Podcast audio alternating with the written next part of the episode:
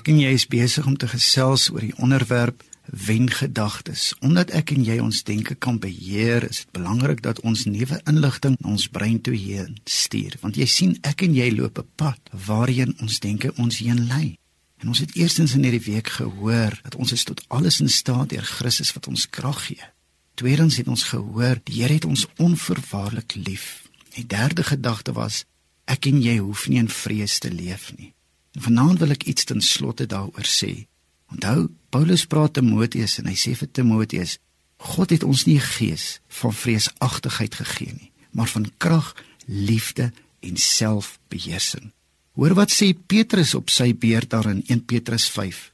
Onderwerp julle dan aan God. Weerstaan die duiwel en hy sal van julle wegvlug. Nader tot God en hy sal tot julle nader. Werp al julle bekommernis op hom, want hy sorg vir julle. Wees nugter en waaksaam want julle teestander die duiwel loop rond soos 'n brullende leeu en hy soek wie hy kan verslind.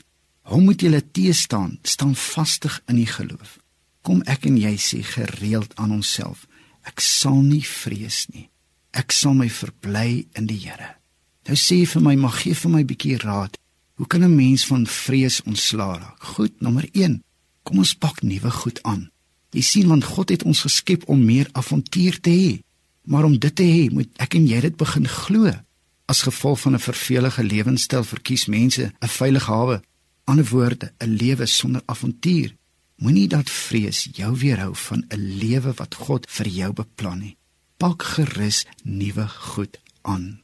Tweedens, kom ons smoor vrees.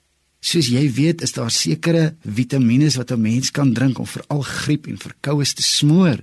So moet ek en jy vrees vasvat. Hoe vat ons dit vas? Sê gereeld aan jou: Ek sal nie vrees nie.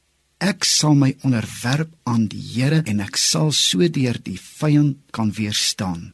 Dit is belangrik dat ek en jy moet besef dat derdens ons met God se planne moet saamwerk. Al voel jy bang, sê gereeld: Ek sal nie vrees nie.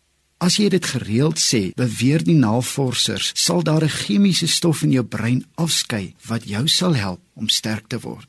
Al voel jy soms bang, sê soos die Psalmskrywer, die dag as ek vrees, sal ek op die Here vertrou. Gaan lees dit gerus daar in Psalm 56 vers 4. Bang voel is nie dieselfde as bang wees nie. Ek dink bang wees is as jy toelaat dat vreesgevoelens die oorhand kry.